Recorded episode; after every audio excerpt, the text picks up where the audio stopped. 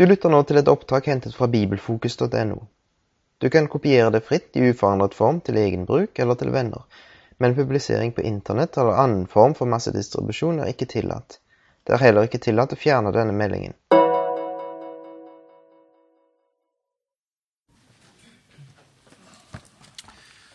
Ja, den sången passade ju ypperligt just till tredje kapitlet av andra Petrusbrevet.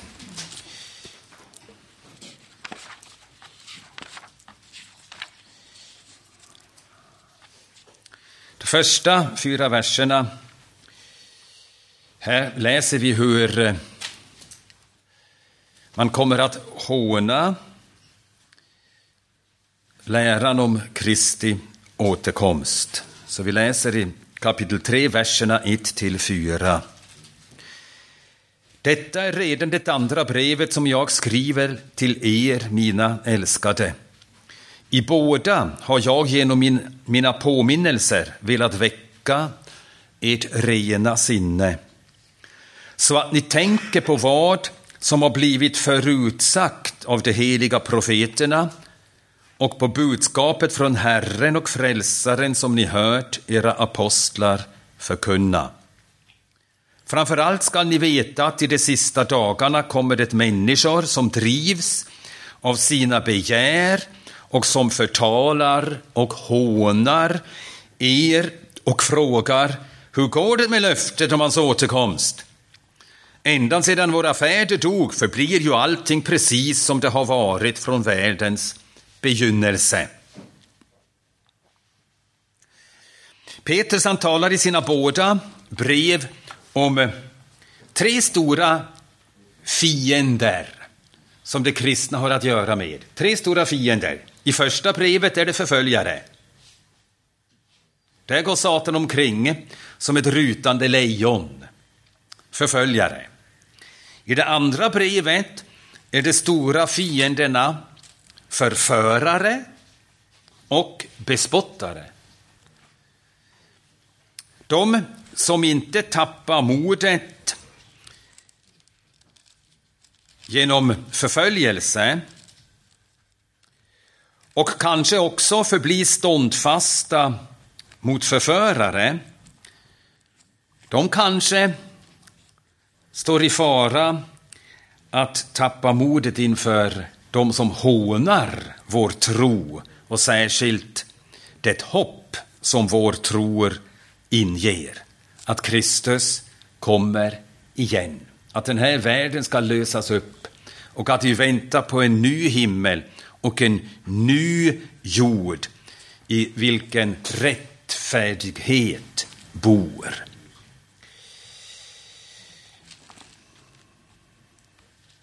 Varför kommer dessa bespottare först i de sista dagarna? Det har sin orsak. I de sista dagarna kommer människor som hånar oss och vår tro. Över århundraden var det ingen i de kristna länderna som vågade håna den kristna tron. Det var förbjudet. Man blev straffad om man vågade håna Gud, håna Guds ord, håna budskapet i Guds ord. Och därför vågade ingen att göra det.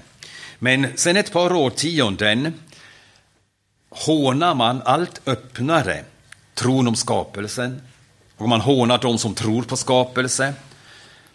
Man hånar Bibeln och man hånar alla som tror att Bibeln är Guds ord utan fel.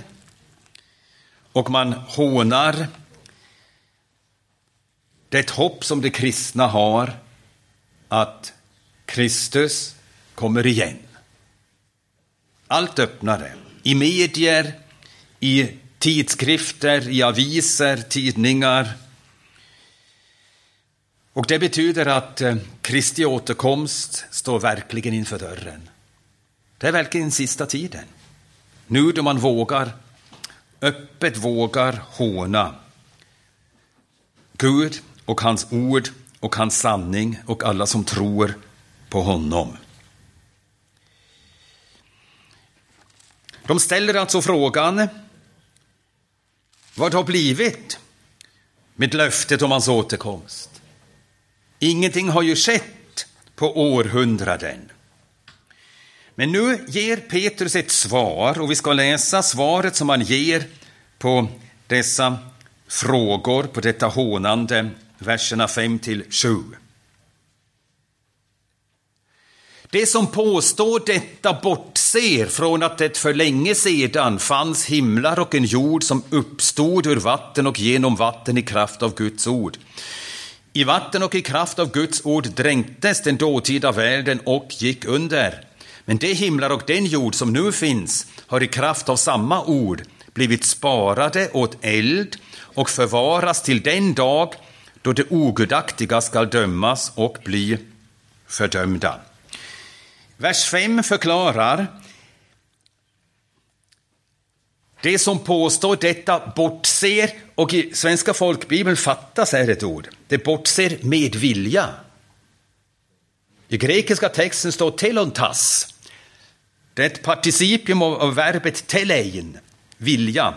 Telontas, viljande, med vilja bortser de från den sanningen. De vill inte se sanningen. Det vill säga, människan kan veta att Gud i begynnelsen skapade himmel och jord. Och de kan veta att hela jorden en gång blev översvämmad av eh, syndafloden. Varför kan de veta det? För det första kan man veta om skapelsen genom skapel, eh, om skaparen genom skapelsen själv. Hur ska det finnas en skapelse utan en skapare? Det är ju eh, omöjligt. Och det vet man, men man vill inte veta det. Med vilja bortser det från denna sanning att Gud skapade himmel och jord. Och man kan också veta att eh, Eh, var, att det har funnits en sådan flod som eh, eh, dömde hela människosläktet. Varför kan man veta det? Det är uppskrivet. Och kristna människor har alltid trott det för att det är uppskrivet. Och det finns traditioner i alla folk som vet om en stor flod som förintade hela människosläktet utom en familj. Hela världen finns det eh, sådana traditioner, lite förvrängda, men i alla fall en grundsanning att eh, en flod en gång sköljde bort hela människosläktet. Så man kan veta det, men man vill inte veta det. Varför vill man inte veta det?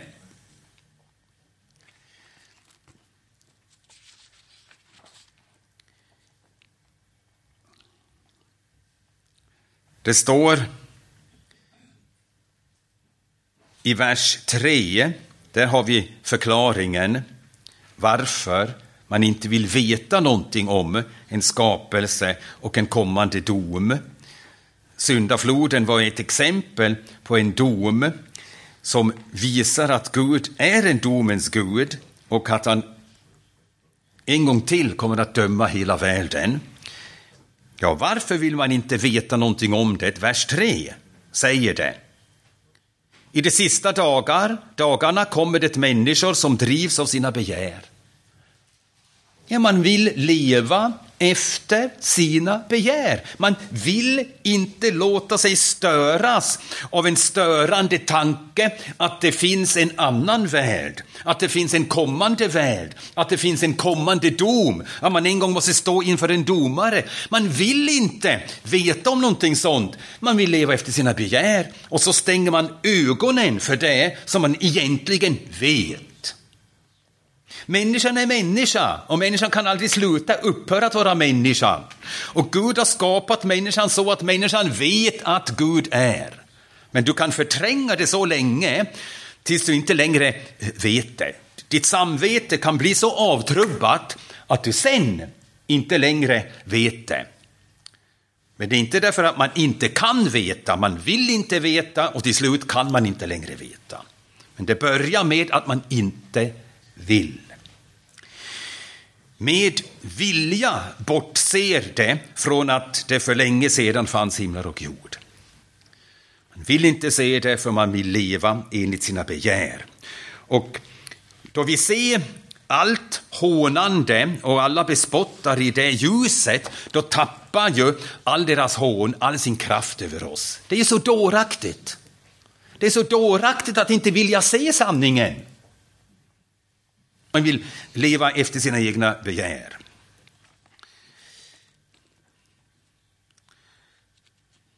Och sen så säger här Petrus i vers 7 att Gud är den som bevarar världen, himlar, de himlar och den jord som nu finns är i kraft av Guds ord bevarat. Gud uppehåller allt genom sitt ord. Han bär genom sitt ord allt och alla, också de människor som hånar honom och hans sanning. Dag för dag ger han dem liv, livnär han dem, kläder han dem, föder han dem, ger han dem mat. Han bevarar dem in till den dagen då han igen skall döma världen. Men då inte i vatten, utan i eld.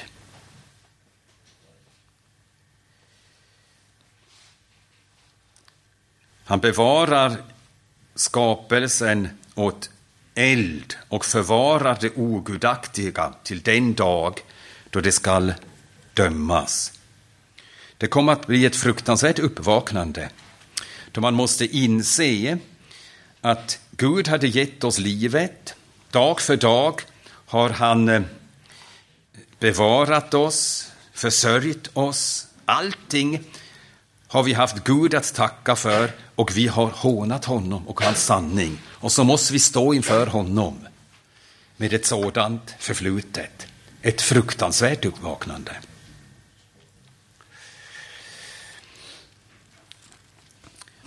Och efter dessa korta förklaringar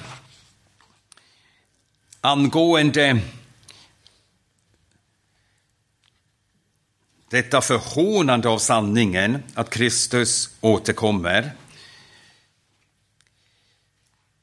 En orsak, vers 8 till eh, eh, 9, varför det dröjer tills Herren kommer.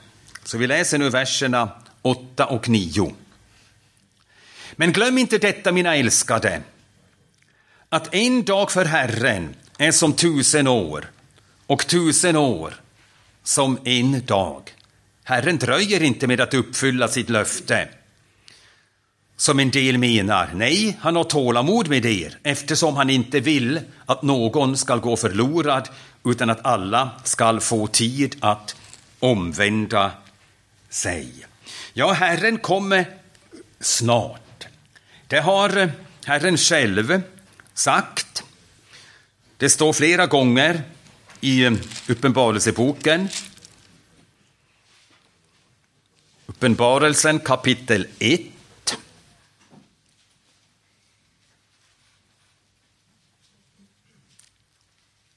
Vers 1. Uppenbarelse 1, vers 1. Detta är Jesu Kristi uppenbarelse som Gud gav honom för att visa sina tjänare vad som snart måste ske. Vad betyder snart? En vecka? Ett år? En människoålder? Hundra år? Två tusen år? Vad betyder snart? Sen vers 3. Salig är den som läser upp och saliga är de som lyssnar till profetians ord och tar vara på det som är skrivet, ty tiden är nära. Vad betyder nära? Vad betyder snart? Vad betyder nära? Snart eller nära betyder det kan ske när som helst. Det är det det betyder och ingenting annat. Om Herren hade sagt att jag kommer om 150 år, så hade man kunnat ställa väckarklockan, lägga sig och sova, och så fem minuter innan kan man vakna, nu kommer Herren. Han ville att vi skulle vaka dag för dag. Därför sa han snart. Det betyder det kan hända varje dag, när som helst. Det är betydelsen av snart och nära. Och därför är det helt enkelt dumheter att säga nu har redan 2000 år förflutit och har ännu inte kommit. Det stämmer inte vad han sa, jag kommer snart. Gud har dolt den enda dagen, dagen av hans återkomst, därför att vi ska vaka varje dag, alla dagar. Gud har dolt den enda dagen så att vi ska vaka varje dag och alla dagar. Och det håller oss vakna. Han kommer snart, han kommer den bestämda dagen och vi vet inte dagen, men vi vet att han kommer och han kan komma när som helst. Och det förstod de troende i första århundradet. Jag har redan hänvisat till den versen, men nu slår vi upp den och läser den i första Thessalonikerbrevet i kapitel 1. Första Thessalonikerbrevet kapitel 1, verserna 9 och 10. Första Thessalonikerbrevet kapitel 1, verserna 9 och 10. Själva berättar de om hur vi blev mottagna av er och hur ni omvände er till Gud, bort från avgudarna, för att tjäna den levande och sanne guden och vänta på hans son från himlen. För att tjäna den sanne och levande guden, för att vänta på hans son från himlen. Herren kommer snart. Han kan komma vilken dag som helst. Vi tjänar Gud och medan vi tjänar honom väntar vi på hans son. Och vi väntar på hans son och medan vi väntar på Guds son tjänar vi honom. Det hänger ihop. Det sporrar oss att tjäna honom. Den vetskapen att han kommer snart, vilken dag som helst.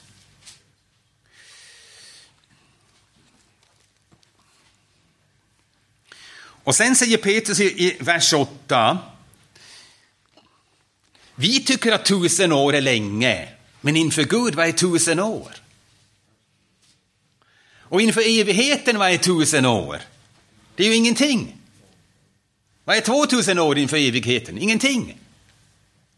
Så vi får inte räkna med vår äh, äh, måttsticka. Gud är evig. Och för övrigt, vi tycker att tiden har varit lång för oss och kanske vi tycker att vårt liv har varit långt och tungt. Men hur mycket kommer tyngden av livet att trycka oss då vi är hos Herren? Då kommer glädjen att vara hos honom. Vår översvallande glädje och alltid växande glädje. Allt djupare och, eh, djupare och eh, större glädje kommer att låta oss glömma allt som vi tyckte var tungt och svårt på vår väg genom det här livet. Alltså, tusen år, det är för Gud som en dag för oss.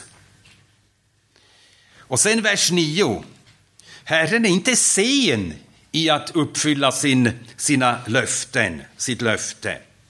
Han drar inte ut på det i onödan för att han eh, tvekar eller kanske har ångrat sig att han har gett sådana löften. Vi ångrar ju ibland löften vi ger. Vi ger någon ett löfte och sen så tänker jag, oh, nu har jag, nu har jag lovat för mycket. Nej, jag lovar att jag kommer att hjälpa honom eh, att bygga sitt hus. Oh, vad dumt, jag vill egentligen gå och meta eller gå och fiska så ångrar vi. Och så ringer vi och säger du, jag mår lite illa, du, jag kan inte komma. Så gör vi människor. Eller vi lovar någonting och vi menar också vad vi lovar. Och så blir vi faktiskt sjuka och kan inte uppfylla vårt löfte. Men sånt kan inte hända med Gud. Han ger ett löfte och inget hinder kan hindra honom. Ingenting kan ske som han inte visste att det skulle komma på vägen. Så han uppfyller sina löften. Och om det dröjer tills han uppfyller sina löften, då har Gud, Gud sin goda orsak till det. Och hans orsak är alltid frälsning. Han vill det goda. Han vill inte att någon ska gå förlorad. Han vill att alla ska få tid att omvända sig. I vers 15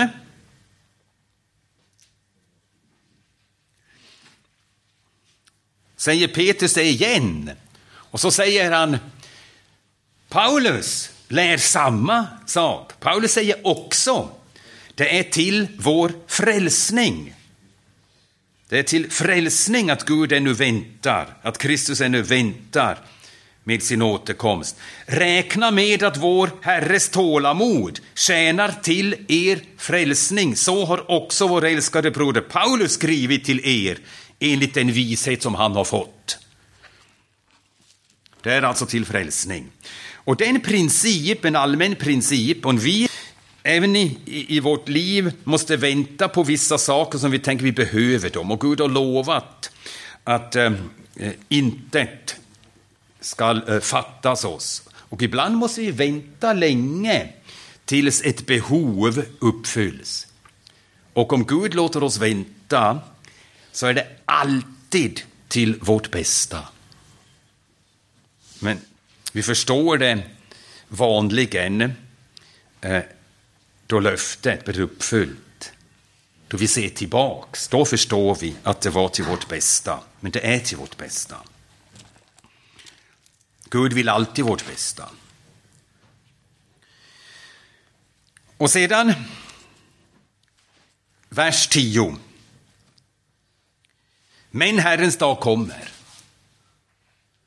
Ja, man kommer och hånar och säger vad är det nu med Jesu återkomst? Han kommer ju inte. Och det troende kanske själv tycker det dröjer så länge. Men Herrens dag kommer. Vad den bespottare säger och vad den det troende må tycka och känna. Men Herrens dag kommer. Den kommer verkligen. Och här står den kommer som en tjuv. Då en tjuv kommer, då är det alltid en ond överraskning. Ingen vill ha en tjuv i huset. Och likaså världen, otroende människor, det är någonting som de absolut inte vill. Att Gud ifrån den osynliga världen ska gripa in i vår värld. Nej, det får inte vara sant. Att Gud skulle gripa in här, i den här världen. Människor tänker det är vår värld. Här bestämmer vi. Här gör vi så som vi tycker och vad vi vill. Men Herren, han kommer från sin värld, från himlen, från den osynliga världen och griper in i den här världen. Och det kommer att vara precis som när du plötsligt vaknar upp, upp om natten. En tjuv i huset! Någonting som man aldrig vill. Vad som helst, men bara inte en tjur i huset. Det måste ju vara förfärligt. Och så kommer det att vara också för människorna. En fruktansvärd överraskning. Absolut fullständigt ovälkommet. Men han kommer mot människornas vilja. Ingen vill att han kommer, utom de troende. Ingen vill att han kommer, men han kommer i alla fall. Han frågar inte om människorna är införstådda. Han kommer. Och det kommer att vara enbart skräck. Som Petrus jämför också Herren själv sin återkomst med en tjuv som kommer mitt i natten. Just om man inte väntar honom och inte, framförallt inte vill ha honom. Matteus 24, 43. Matteus 24, 43.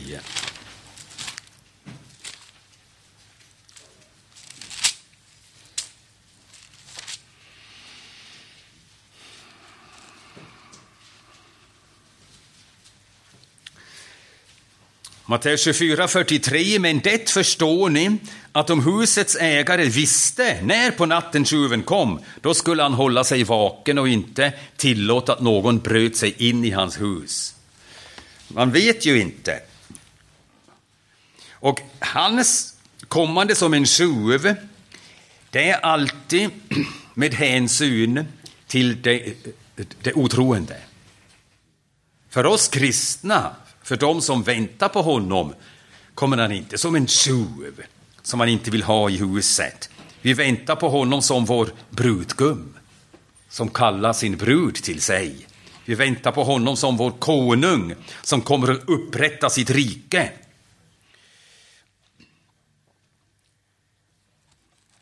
Paulus jämför Kristi återkomst med en tjuv som bryter sig in i huset. Första Thessalonikerbrevet kapitel 5. Första Thessalonikerbrevet kapitel 5.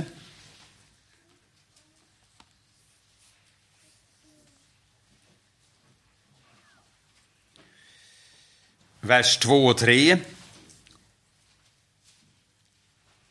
Första Thessaloniker 5, verser 2 och 3. Ni vet själva mycket väl att Herrens dag kommer som en tjuv om natten.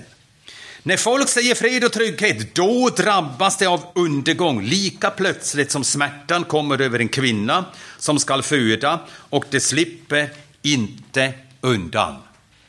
Det är hans återkomst för världen. Just när man säger fred och trygghet, då kommer han att blanda sig in i människornas affärer, det som de absolut inte vill. Och då drabbas de av undergång. De drabbas. Ingen makt mot att styra det eller att hindra det. Och ingen kommer undan.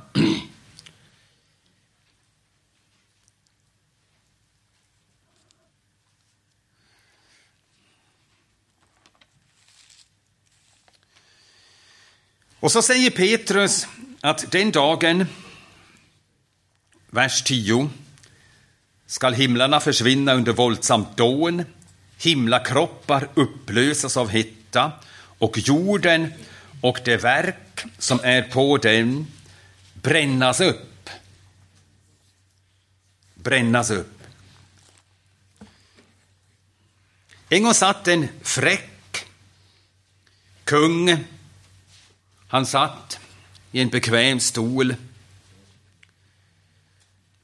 det var vinter och framför sig hade han en behaglig varm eld som värmde rummet och satt där tillsammans med kollegor. Och så var det någon som läste för honom ur Bibeln. Avsnitt för avsnitt som blev läst tog han med en eh, fällkniv, en vass fällkniv och skar bort det och kastade i elden. Ni känner historien. Jeremia kapitel 36. Baruk, Jeremias skrivare, läste upp Jeremias profetior inför kung Jojakim. Jeremia 36, vers 23 och 24.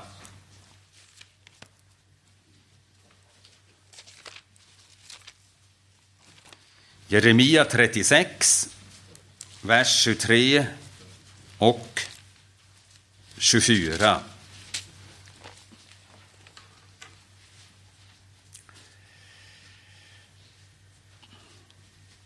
Och så ofta Jehudi, det vill säga Baruk, gav rullen med det skrivna till Jehudi, det var en, en av kungens ministrar, så ofta Jehudi hade läst tre eller fyra spalter skar kungen av rullen med pennkniven och kastade stycket på elden i kolpannan, ända till dess att hela rullen hade brunnit upp i elden som var i kolpannan. Varken kungen själv eller någon av hans tjänare alltså ministrar, blev förskräckt eller rev sönder sina kläder när de hörde alla dessa ord. Och precis så har människorna förfarit med Bibeln och framförallt nu med budskapet om Kristi återkomst. Tagit budskapet och liksom kastat i elden. Vi behöver det inte. Skräp. Då Kristus kommer då ska allting igen som har blivit upp och nervänt genom människor bli vänt så att förhållanden stämmer igen. Då kommer Gud att brinna upp vad människor har tänkt sig och uppfunnit och skapat och skrivit. Han kommer att bränna upp allting och förklara det som orent. Han kommer att kasta bort det inför sitt ansikte. Då kommer Gud, Herren alena, vara upphöjd och människan ödmjukad i stoftet. Jesaja kapitel 2. Jesaja kapitel 2.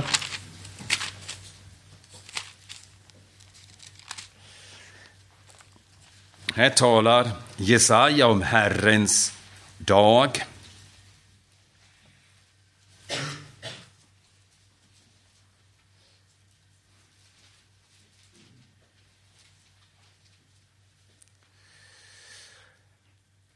vers 12 till 17. Jesaja 2, 12 till 17. Ty Herren Sebaots dag skall komma mot allt stolt och högmodigt, mot allt som är upphöjt, och det skall bli förödmjukat, mot alla Libanons sedrar, de höga och upphöjda, och mot alla Basans ekar, mot alla höga berg och alla stolta höjder, mot alla höga torn och alla fasta murar, mot alla Tarsis skepp, ja, mot allt som är vackert att se på. Människornas stolthet skall slås ner och männens högmod förödmjukas. Herren ensam skall vara upphöjd på den dagen. Och ett ställe ur profeten Habakuk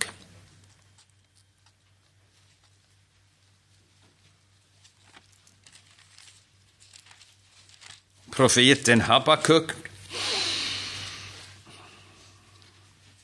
kapitel 2. Habakuk är den femte sista, Sefania den fjärde sista av de tolv små profeterna. Och efter Sefania kommer Haggai, Sakaria, eh, Mala, hur säger man Malaki? Är det så man säger på svenska? Malakias. Ja, men det är ju grekiska.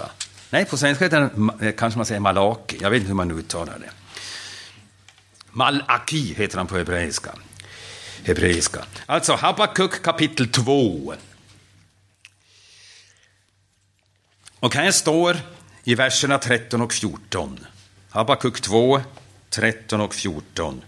Se, kommer det inte från Herren Sebaot att folken arbetar sig trötta för det som bränns upp? De arbetar sig trötta utan Gud, sina egna verk, sina avgudar, allt vad de formar med sina egna händer, in i sina egna tankar, enligt den förmåga, den genialitet som Gud har givit dem. Men de gör allt detta utan Gud, utan att någonsin tacka Gud för allt han ger dem. Allt det bygger de upp.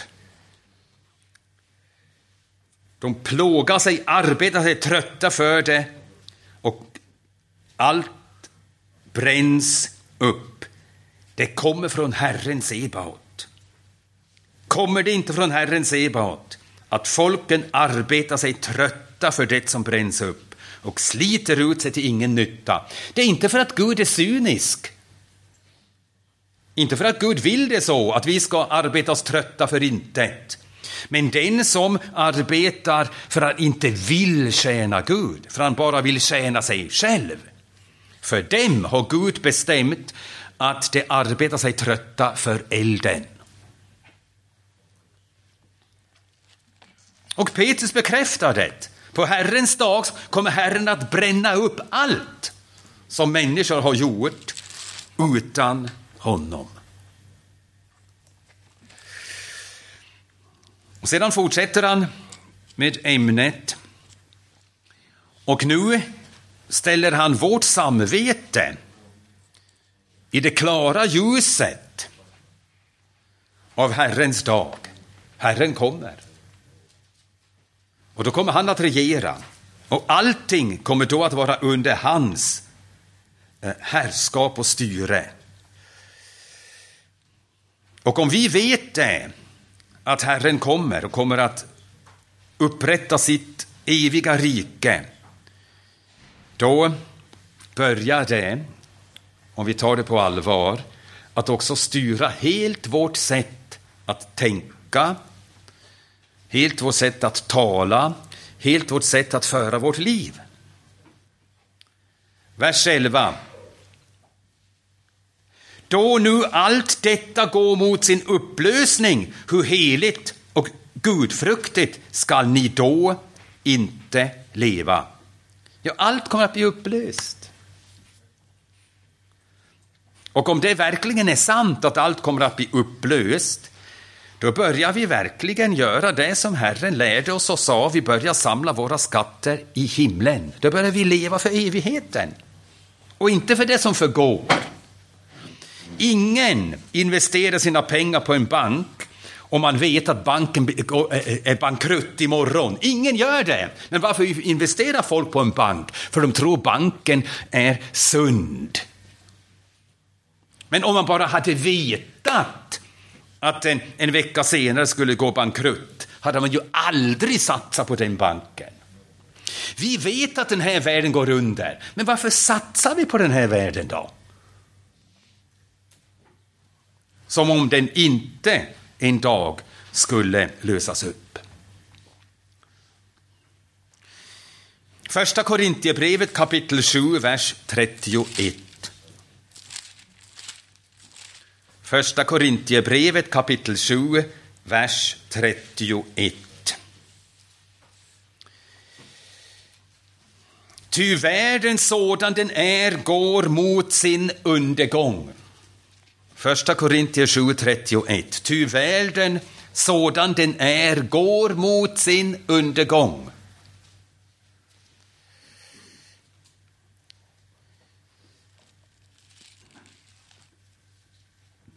Första Johannesbrevet, första Johannesbrevet kapitel 2, vers 17.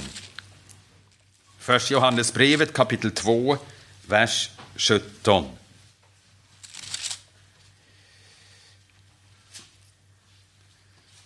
Och världen och dess begär förgår. Världen förgår och dess begär förgår. Hör upp, ta slut. Men den som gör Guds vilja förblir i evighet. Om vi verkligen tror det, då blir det inte längre så svårt att avgöra vad vill vi leva för. Vill vi leva för Kristi rike? Eller för vårt eget rike? Vill vi leva för himlen eller för jorden? Vi har ju blivit frälsta, vi tror på Kristus och därför är vår fråga inte längre himmel eller helvete. Det är frågan för den som ännu inte tror.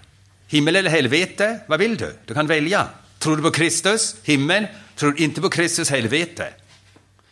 Men vi är frälsta och för oss är nu frågan inte längre himmel eller helvete. Den frågan är avgjord. Men för oss är frågan, lever vi för himlen eller för jorden? Det är frågan. Lever vi för det eviga eller för det förgängliga? Samlar vi skatter i himlen eller på jorden? Det är frågan. Då nu allt detta ska bli, gå mot sin upplösning, hur heligt och gudsfruktigt ska ni då inte leva? Det betyder att vi, hela vårt liv inriktas på att Herren kommer, hans rike är evigt. Och salig är den som lever för det riket. Det finns ju inget större och härligare.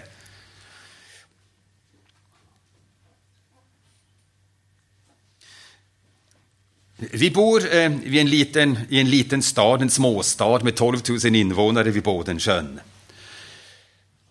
Och en liten bit av, av, av eh, stranden vid Bodensjön är ett eh, pyttelitet naturskyddsområde. Det är inte att jämföra här med Norge, här har ni ju naturskyddsområde överallt. Men det är ett sånt litet område och det växer träd stora och höga. Men ibland måste man i alla fall, trots att det är ett naturskyddsområde, ibland fälla träd. För en järnvägslinje går just där bredvid och om ett träd faller eller stora grenar faller ner kunde det vara farligt. Och så då man går och promenerar, då, det finns en stig som går genom det där naturskyddsområdet, så ser man ibland träd, de är markerade. Med grön spray, en grön fläck påsprutad. Vad betyder det? Det betyder att trädet är markerat för att snart bli fällt. Det är farligt, det kunde eh, störta omkull. Alltså måste man fälla det där trädet. Och så är det vår, och trädet är markerat. Och fåglar kommer och kvittrar och sjunger och bygger sina bon i det trädet. Varför gör de det? Ja, de vet inte att det ska bli fällt. Men vi då? Vi vet ju att den här världen är markerad för att bli fälld. Vi vet det ju. Det är inte särskilt intelligent att bygga sina bon i ett träd som snart ska bli fällt.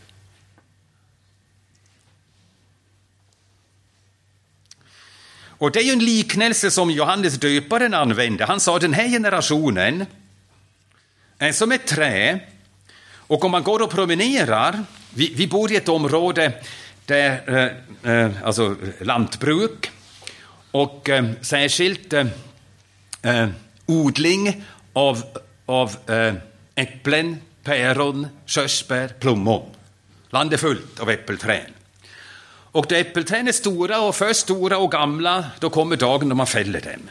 Och så går man och promenerar då genom landsbygden och då ser man ibland ett träd och bredvid träd, vadå? En motorsåg. Ja, då vet man vad som händer snart med det där trädet. Det ska bli fällt. Och så ligger yxan redan vid rötterna av den här världen, som ett träd. Hela vår civilisation ska bli fälld, kastas i elden. Men varför gör vi då så? Lever vi då så som om den här världen bleve för evigt? Vi har ju orsak som troende att inte leva för jorden utan för himlen. Vi är delaktiga i en himmelsk kallelse. Vi är kallade till att en gång vara där Herren är. Och det är det som Petrus menar då han säger då nu allt detta går mot sin upplösning, hur heligt och gudfruktigt skall ni då inte leva? Heligt, det betyder att man eh, är avskild från allt som är mot Gud. Allt som är mot Guds rike. Allt som inte passar till Guds rike. Avskilda för Guds rike, Guds sak, Guds evangelium. Sen vers 12, medan ni väntar på Guds dag och påskyndar dess ankomst. Det är så Svenska folkbibeln översätter det. Eh, inte alla översättningar är lika, jag vet inte hur det är i norska översättningarna.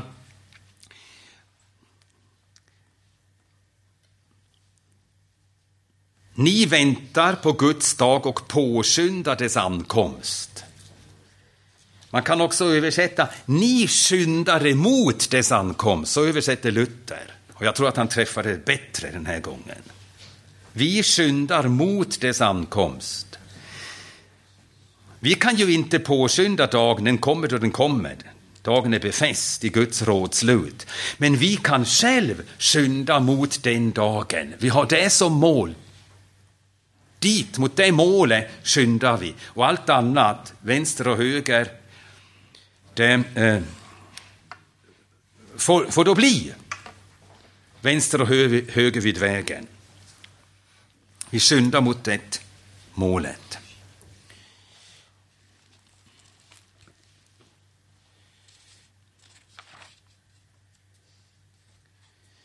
Ty vi väntar, vers 13, nya himlar och en ny jord där rättfärdighet bor väntar vi på efter hans löfte. Ny himmel, ny jord där rättfärdighet bor. Ny himmel, ny. Inte bara ny som ett par skor. Då vi har köpt ett par nya skor så är de nya ett par veckor, kanske en månad. Och sen så är de inte längre så nya. Och så använder vi dem kanske två, tre år. Och sen är de så nedslitna då måste vi igen köpa ett par nya skor. Inte i den bemärkelsen ny. Ny himmel, ny jord, inte en skapelse som igen ska genom synden bli nersmittad och sen nedsliten så att Gud måste röja undan den. Nej, ny i den bemärkelsen att den aldrig ska bli smittad av synd. Ny himmel, ny jord i vilken rättfärdighet bor. Inte bara gästar, utan bor. För alltid. Och vi kan ju inte föreställa oss hur en värld måste vara där det inte finns synd. Allt elände i världen, all smärta, alla tårar, allt som är bittert, ångest, rädsla, allting är för syndens skull. all hat och all avund, all högfärdighet, allt krigande mot varandra, det är för syndens skull. Den här världen är därför en värld av tårar och elände, därför att otaliga viljor har rest sig upp mot Gud. Det är just syndens värld. Men den nya himlen, den nya jorden, där regerar bara en vilja, Guds vilja. Och allting är Allting fogar sig i Guds vilja. Och det är paradis, det är härlighet. Just därför är himlen en ort av gränslös, fullkomlig salighet. För att enbart Guds vilja härskar, regerar i himlen. Och den himlen, den nya världen går vi till mötes. Uppenbarelseboken kapitel 21, vers 1.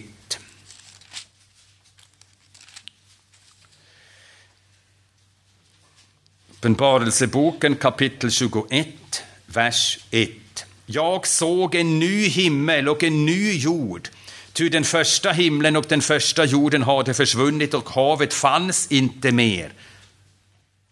Och sedan vers 4 och 5. Och han ska torka bort alla tårar från deras ögon. Döden skall inte finnas mer och ingen sorg och ingen gråt och ingen plåga, ty det som förr var är borta. Och han som satt på tronen sade, se, jag gör allting nytt. Det är någonting verkligen nytt. Någonting som vi aldrig har känt i den här skapelsen. Vi känner ju bara en, en skapelse som genom synden har blivit en dödens skapelse, som går mot döden. Jag gör allting nytt. Och i den nya skapelsen kapitel 22. Där står Guds tron. Kapitel 22, vers 1. Och han visade mig en flod med livets vatten, klar som kristall.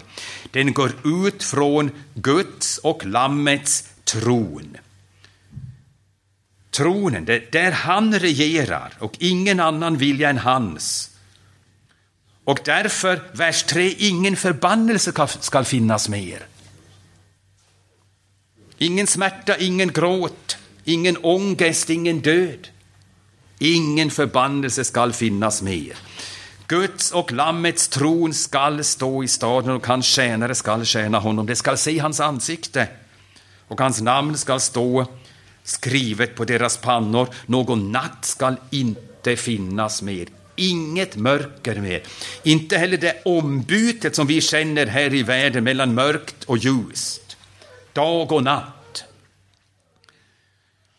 Ingen natt mer skall finnas, och det behöver inte någon lampas sken eller solens ljus, ty Herren, Gud, skall lysa över dem, och de skall regera som kungar i evigheternas evigheter. Det är den nya skapelsen, och vi skyndar emot dagen då den skapelse kommer.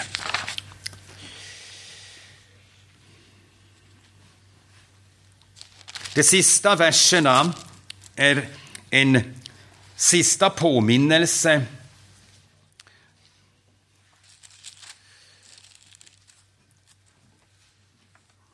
om eh, det vad han skrev i första kapitlet. Vi läser nu från vers 14. Därför, mina älskade, eftersom ni väntar på detta, gör allt ni kan för att leva i frid, rena och oförvitliga inför honom och räkna med att vår Herres tålamod tjänar till er frälsning. Så har också vår älskade broder Paulus skrivit till er enligt den vishet som han fått. Och så gör han i alla sina brev när han talar om detta. I dessa brev finns en del som är svårt att förstå, svårt att förstå men inte omöjligt att förstå och som okunniga och obefästa människor förvränger till sitt eget fördärv, något som också sker med övriga skrifterna. Därför, mina älskade, då ni redan vet detta, var på er vakt. Så en sista gång påminner han om deras väg som de går, förförare, bespottare. Det finns faror, glöm det inte, var på er vakt så att ni inte dras med i det laglösas villfarelse och förlorar ert fäste.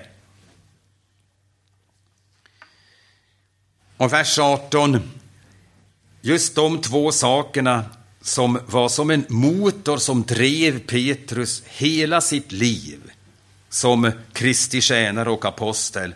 Väx istället till i nåd och kunskap, det är det han önskade troende. Väx istället till i nåd och kunskap om vår Herre och Frälsare Jesus Kristus. Hans är äran, nu och till evigheternas dag. Amen. Vem är jag, Petrus? Jag är ju ingenting. Simon, Jonas son, en förtappad syndare. Jesus han kom och sökte, fann mig, räddade mig, gjorde mig ny. Han har gjort mig till en tjänare, en Guds tjänare, en tjänare till Guds folk. Allt är ifrån honom. Hans är äran. Honom tillhör all ära och han skall få all ära och all härlighet nu och intill evighetens dag. Amen.